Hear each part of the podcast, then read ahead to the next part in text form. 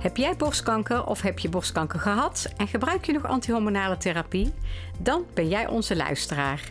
In deze podcast, De Antihormonologen, vertellen we je alles over de werking en bijwerking van deze therapie. En wie zijn wij? Wij zijn Judith en Monique. Beide verpleegkundig specialist en werkzaam in de borstkankerzorg in een groot perifere ziekenhuis. En daarnaast zijn wij ook nog actcoach. Met onze kennis en ervaring zullen wij jou door deze vaak pittige periode heen helpen. Want wat er is gebeurd, verander je niet. Maar wat jij ermee doet, is wat het wordt.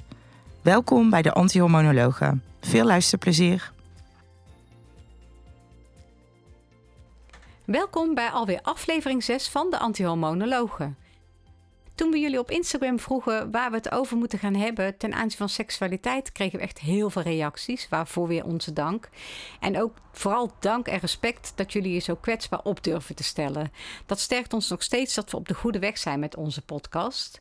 En dus, zoals al eerder gezegd, willen we het met jullie over seksualiteit hebben tijdens en na de behandeling van borstkanker en tijdens de behandeling met antihormonale therapie.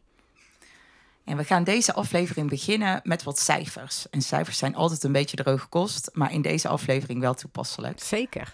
Uit een groot onderzoek wat verricht is door de NFK, en dat is de Nederlandse Federatie van Kankerpatiëntenorganisaties, blijkt dat ongeveer 60 tot 70 procent van de vrouwen problemen ten aanzien van seksualiteit tijdens en na hun borstkankerbehandeling ervaart. Dit is een enorm aantal waar we dus zeker bij stil moeten staan en waar we vooral ook als behandelaars aandacht voor moeten hebben.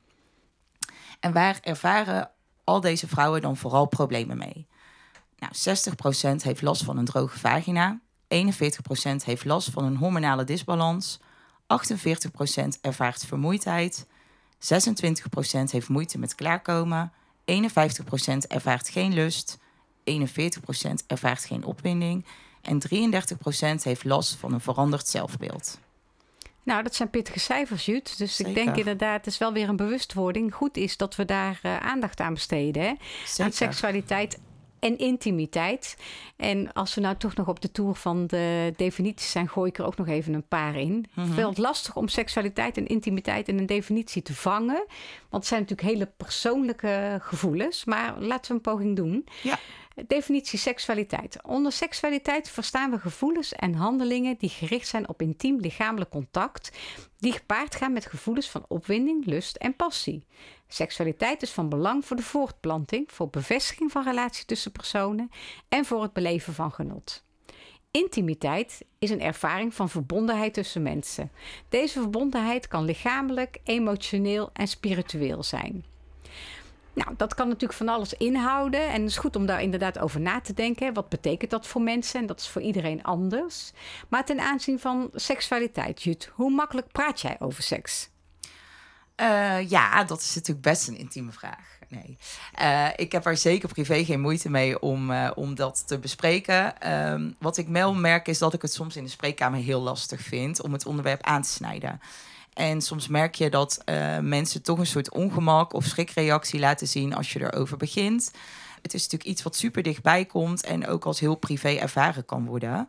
Maar eigenlijk blijft dat natuurlijk best wel een beetje gek. Hè? Ja. Dat we daar zelf, maar ook uh, de mensen die tegenover ons zitten, dat ook mogelijk lastig zouden vinden. En dat hier dus toch nog steeds wel een taboe op rust om dit te bespreken. Um, want het is zo'n basale behoefte, zoals slapen, eten en naar het toilet gaan. En dat zijn onderwerpen die we met al het gemak bespreken. En daar wordt dan niemand ongemakkelijk van. Dus dat is mijn, uh, mijn ervaring daarin. En hoe zit jij daarin? Nou, ik heb de laatste tijd ook eens extra op gelet en over nagedacht. Hè. Ik vind het op zich geen lastig onderwerp om erover te praten. En je ziet ook vaak wel dat mensen erg opgelucht zijn als je erover begint. Maar het mm -hmm. komt niet in alle gesprekken naar voren. Dus het is sowieso goed ook voor onszelf om met deze podcast meer bewustwording te kweken. En we moeten het inderdaad gewoon normaal gaan vinden. Net als al het andere dat we bespreken. En ik denk ook soms begin je vaak pas halverwege het traject of aan het eind van de behandeling over seksualiteit uh, te praten. Maar waarschijnlijk moeten we het veel eerder bespreekbaar maken in zo'n proces. En want mogelijk kan je daar wel problemen mee voorkomen, doordat mensen meer voorbereid zijn op het feit dat seksualiteit en intimiteit kan veranderen. Ja, dat, dat is echt een goeie. Er moet gewoon echt veel meer ruimte voor komen om het te bespreken. Uh, en het is en blijft toch wel een beetje een roze olifant, zoals we dat dan noemen, in de mhm. ruimte. Wat heel mooi is, is dat wij dus nu ook bezig zijn om, uh, om dit binnen ons team meer in te gaan bedden in een project. En dat project heet dus ook de Roze Olifant. En vanuit dat project hebben we dus mooie praatkaartjes gekregen. En uh, wellicht is het leuk om er eens twee te trekken en deze vragen die op die kaartjes staan te beantwoorden. Ja, dat is goed. Dat is leuk. Zal ik uh, het eerste kaartje pakken? Ja. En dan ga ik hem aan jou stellen. Dat is goed. goed. Dus dat is goed. Dan doe ik dat dadelijk bij jou. Uh, nou, ik heb deze. Voel jij je competent om over het onderwerp seksualiteit te spreken? Ja, dat is een goede vraag. Hè? Want wat is competent om over seksualiteit uh, te praten? Ik denk op zich wel. Ik denk dat we voldoende kennis hebben en know-how om dat bespreekbaar te maken. Mm zorgen dat de drempel daarvoor laag is. Kijken waar mensen behoefte aan hebben. En ik denk vooral belangrijk dat mensen de opening voelen om daarover te praten. En daarnaast denk ik dat het goed is als je ziet dat, dat je er als verpleegkundig specialist of behandelaar niet aan uitkomt. Of dat mensen daar samen niet aan uitkomen dat het goed is om mensen door te verwijzen of naar een psycholoog of naar een seksuoloog. Dus ik denk dat dat ook bij competent zijn hoort. Ja, zeg je mooi. Ja? Ja. Nou, heb ik er voor jou ook uh, één uit de stapel met kaartjes uh, getrokken. Mm Jut, wat weerhoudt je ervan om met een patiënt over seks te praten? Um, ja, misschien toch wat ik net al wel zei. Hè, dat je soms merkt dat, uh, dat het wel reactie veroorzaakt. En dat ik daardoor ook wel merk dat ik het soms niet bespreek. Ik vind ook de timing om het te bespreken soms lastig. Ik denk mhm. dat dat me dat er ook van weer houdt. Als je merkt dat je al zoveel moet bespreken, vooral in het begin van zo'n behandeling, hè, waar vooral. Uh, het ook eigenlijk wel heel erg gaat over de schrik van zo'n diagnose. Zeker. Uh, Eigenlijk alles wat er vooral moet gebeuren. Dat ik dan merk dat ik dit onderwerp niet standaard bespreek. Ja, terwijl wat we net ook al wel zeiden, het juist denk ik ook dan ook heel belangrijk is. Uh, dus ik denk dat dat me ervan weer houdt, soms in de grootheid en de hoeveelheid van, van informatie, maar ook wel emoties die dan soms op hele andere vlakken zitten voor mijn gevoel. Mhm.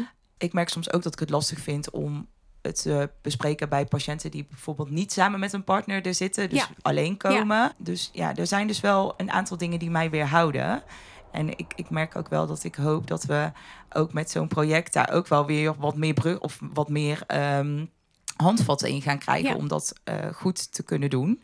Nou, ik denk dat wij ook in ieder geval laten zien dat wij het super belangrijk vinden om het te bespreken. Zeker. Ja. En wat ik vooral denk is dat het voor patiënten of voor partners die bij ons aan tafel zitten en bij ons komen, dat die juist geen drempel meer zouden moeten ervaren om het ook te bespreken. En dat ze het ook absoluut zelf moeten aankaarten. Ja, ja het, of mogen aankaarten. Zeker. Niks moet. Eh, dat, dat is natuurlijk de grootste bewustwording. Hè? En het is goed.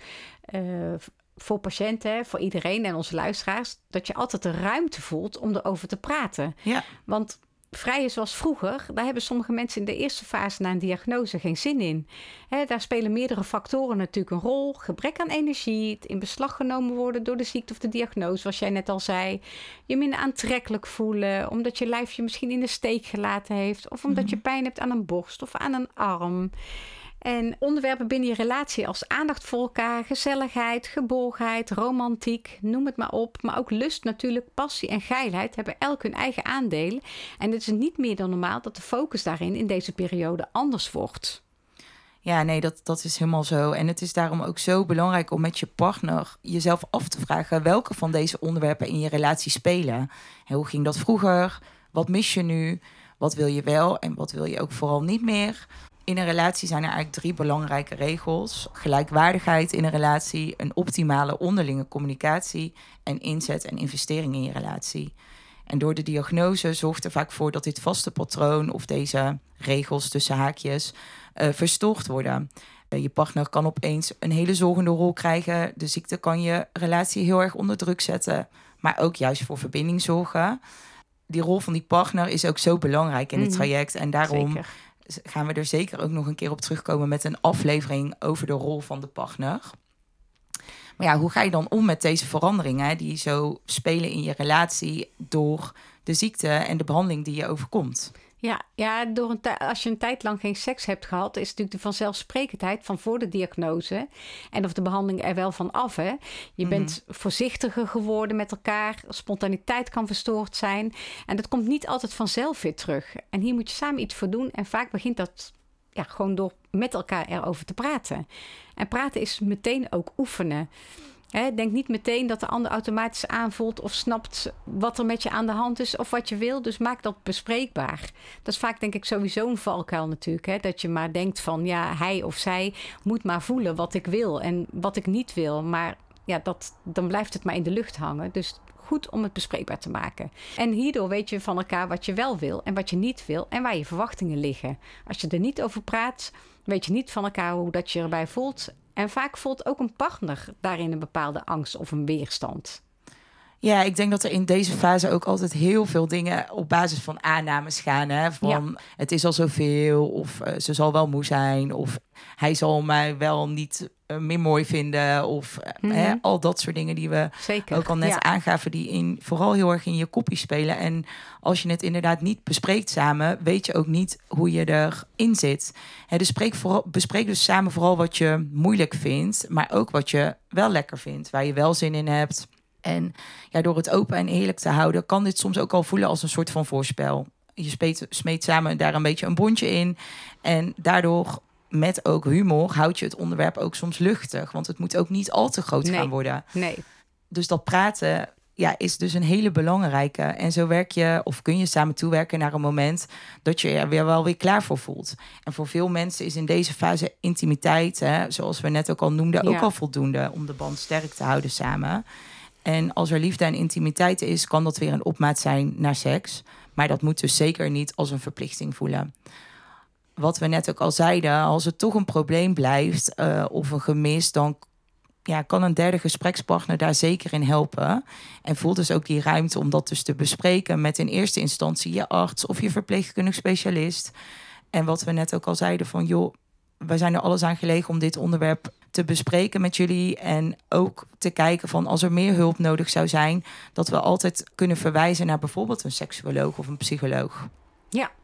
Ja, en um, je lichaam is natuurlijk door zo'n behandeling wel veranderd. En dat Mhm. moet je ook opnieuw leren kennen. Dus dat je elkaar misschien samen terug moet vinden, is natuurlijk uh, al moeilijk. Maar je zal Ja. ook jezelf opnieuw terug moeten vinden en opnieuw leren kennen. En een lichaam dat natuurlijk veranderd is doordat het een borst moet missen, of beide borsten moet missen, of een reconstructie. En veranderde borst heeft vaak toch ook een ander gevoel van de huid. En is vaak ook een ander gevoel in de tepel. En daarnaast kan je natuurlijk kampen met wat we al natuurlijk in de andere aflevering genoemd hebt, de overgangsverschijnselen. Het kan zijn dat je meer nodig hebt om opgewonden te raken dan voor een diagnose of behandeling. Hè? Ik zeg er nog wel heel even bij, dat kan zijn. Het hoeft natuurlijk niet, hè? Nee. Gelukkig zijn er natuurlijk ook genoeg vrouwen die geen klachten hebben na de behandeling. Maar omdat we natuurlijk uit de cijfers gezien hebben dat het er toch best wel veel zijn, toch belangrijk om het nog even te benadrukken. drukken. Dus heb je een lange voorspel nodig, een, een lekkere massage of een andere stimulans, dat kan natuurlijk zijn hè, dat je dat nodig hebt om weer opgewonden te raken. Want door behandeling met chemotherapie en of antihormonale therapie kun je last krijgen van droge slijmvliezen. Slijmvliezen, eh, dat moet je zien, dat is een voorzetting van je huid aan de binnenkant van je lichaam. Dan moet je dus denken aan een soort van bekleding van je mond, je darmen en de vagina. En normaal gesproken zijn deze vochtig en stevig, maar bij een lage hoeveelheid van het oestrogeen, waar we het al eerder over gehad hebben, kunnen deze droog en slapper worden. We zullen het nu dus vooral hebben over een droge en hierdoor soms jeukende vagina. Door de behandeling kan de vagina dus droog en schaal aanvoelen. Dit kan pijn veroorzaken bij het vrijen. En er kunnen zelfs soms ehm, scheurtjes ontstaan waardoor je daarna wat bloed kan verliezen. Dit kan dan ook vaak pijnlijk zijn. En door deze associatie kun je dus ook weer minder zin krijgen in seks. Nou, wat kan je hier nou zelf in doen? Ja, dat lange voorspel hebben we al meerdere malen genoemd. Ja, wij zijn ook altijd wel fan van het advies om glijmiddel te gebruiken. En het belangrijkste is dan om te melden dat je niet alle glijmiddelen meer geschikt zijn. En dat heeft vooral te maken met de samenstelling. In sommige glijmiddelen zitten namelijk toch oestrogenen verwerkt. En dat ja, willen we het liefst niet, dat je Mhm. dat nog binnenkrijgt. Ook niet via de vagina. Ehm, een voor ons bekende crème is de Hyalofem crème. Deze kun je online bestellen. Uh, en dat is een hele fijne. Deze moet je niet alleen gebruiken als glijmiddel, maar structureel smeren om de balans in de vagina te herstellen. Deze crème is echt speciaal ontwikkeld voor vrouwen die behandeld zijn aan borstkanker. Uh, en kan dus, dus ook heel goed samen met de anti-hormonale therapie. Dus belangrijk om dit is, of in ieder geval, je zou dit eens kunnen proberen. En draag zoveel mogelijk katoenen ondergoed en was de vagina niet met zeep. Ja, en dan nog even over die hyalofan, Jut. Dat kan je dan toch ook al voor het vrije ruim aanbrengen? Dat je dat niet tijdens nog moet doen dat daardoor de pret ja, weer eh, zeker. minder wordt. Ja, dat zeg je goed. Uh, dat moet je dus inderdaad, of in ieder geval zo uh, adviseren ze dat, om het inderdaad al structureel te gebruiken. Uh, dus eigenlijk dagelijks. Ja. Um, zodat het weer een beetje de balans en de droogheid van je vagina kan herstellen als je daar last van hebt. Maar ook, ook dus ook als extra als glijmiddel. Ja, hè? Dus alleen voor de balans, maar je kan het dus ook extra als je denkt, nou het hangt in de lucht, het gaat ervan komen. Ja, zeker. Dan ook zeker dan ook wel gebruiken als glijmiddel. Ja, oké, goed. Zeker. Ja, en nou ja, dat hebben we natuurlijk al vaker gezegd. Zin in seks komt niet vanzelf, maar het is het gevolg van seksuele prikkels. Hè? En als je ziek bent of ziek bent geweest, kunnen die prikkels langzamer doorkomen. En soms moet je dan, hebben we ook al gezegd, meer moeite doen om opgewonden te raken. En daarom is het goed om te kijken, wat kan jou helpen uh, om die prikkels op te wekken? Wat is prikkelend voor jou? En daar hebben we ook nog wel een paar tips in. Je kunt erotische verhalen lezen of aan elkaar voorlezen natuurlijk. Dat kan ook heel stimulerend werken. Mhm. Of naar porno kijken als je daar oké bij voelt. Samen bewust terugdenken aan het moment dat je, dat je echt heel fijn gevreden hebt met z'n tweeën. Meer tijd besteden aan intiem lichamelijk contact, zoals strelen, elkaar een erotische massage geven. En natuurlijk ook als het geslachtsgemeenschap heel pijnlijk is, hè, door die wondjes wat we eerder hebben gehad, dan kan je elkaar natuurlijk ook stimuleren met de hand of met de mond of met speeltjes. Ja, dit zijn goede tips hè, die zeker te proberen zijn als je daarvoor open staat. Hè. Dat geldt met alles wat we in deze podcast vertellen. Ja. We hebben natuurlijk ook wel veel over mensen die al een relatie hebben. Maar het kan dus ook zijn dat je eh, geen partner hebt en uh, wat doe je dan als je alleenstaand bent? Als je bijvoorbeeld aan het daten bent? Wat zeg je dan wel en niet over je behandeling? En mogelijk over, ook over je zin in uh, seks? Het kan dus sowieso dan ook weer een heel moeilijk onderwerp zijn om te bespreken in een nieuwe relatie. Omdat daar weer andere verwachtingen of rollen spelen. We noemden het net al van dat het zo belangrijk is om te praten. Uh, maar ja, als je net met iemand nieuw bent, dan is dat natuurlijk ook heel lastig, want je hebt geen vergelijk of referentiekader waar je naartoe kan terugpakken. Ja. Uh, kent elkaar nog veel minder goed. Dus wat we eigenlijk wel adviseren is wel om een goed moment te zoeken om over je ziekte en de consequenties hiervan te beginnen. En wacht vooral niet te lang met het vertellen dat je borstkanker hebt gehad. En ook met hoe ver je bent aan het wennen aan je lichamelijke veranderingen en de behoeftes die je daar wel of niet in hebt. Ja, ja, goed ook om te benadrukken, inderdaad. Want dat is natuurlijk weer een hele andere rol en zeker ook niet makkelijk. Nee. En we hebben natuurlijk al in iedere aflevering gezegd, en ook nu is het wel weer zeer toepasselijk. Hè? Wat er is gebeurd, verander je niet. Maar wat je ermee doet, is uiteindelijk toch wat het wordt. Hè? En mhm. dat geldt dus zeker ook voor seksualiteit en intimiteit. Het is normaal dat, het, dat je veranderd bent, dat je relatie veranderd bent er is zoveel gebeurd op lichamelijk en zeker ook op geestelijk vlak. En je moet jezelf opnieuw uitvinden in je rol als vrouw, als partner. Dat kost tijd. Maar door het oude los te laten, eh, hoe moeilijk dat ook is, hè, dat, dat realiseren we ons terdege. En dan kunnen we het ons alleen maar inbeelden en wij zitten niet in die rol. Um, maar wij denken wel dat als je daar in dat proces op inzet dat je gaat wennen aan je nieuwe leven, dat er dan wel ruimte komt voor hernieuwde intimiteit en seksualiteit. En misschien niet meer zo onbevangen en wild opwindend als dat het was, maar mogelijk wel met een diepere betekenis en een diepere verbinding door alles wat je samen hebt meegemaakt. Ja, dat is super mooi dat je dat zo zegt. En wat ook wel heel belangrijk is om dan te benadrukken, is dat veranderingen niet altijd ervoor zorgen dat het slechter wordt. Ja, dat is misschien een mooie om mee te eindigen. Zo is dat. Dit was alweer de zesde aflevering van onze podcast over seksualiteit. Een o zo belangrijk onderwerp wat veel te vaak onderbelicht blijft. Hopelijk hebben we je met deze aflevering wat meer informatie en tips kunnen geven. En vooral ook het gevoel gegeven dat dit onderwerp altijd bespreekbaar is met je behandelaars. Maar we hopen vooral dat het een duwtje in de rug is om er met je partner over te praten. Vanaf volgende week gaan wij genieten van een zomervakantie. En in de vakantie zullen we nog wel komen met een korte ontspannende bonusaflevering. Hou dus hiervoor onze Instagram en podcastkanalen in de gaten. En in september zullen wij weer bij jullie terugkomen met een aflevering over voeding. Bedankt weer voor het luisteren en tot de volgende keer. Tot dan!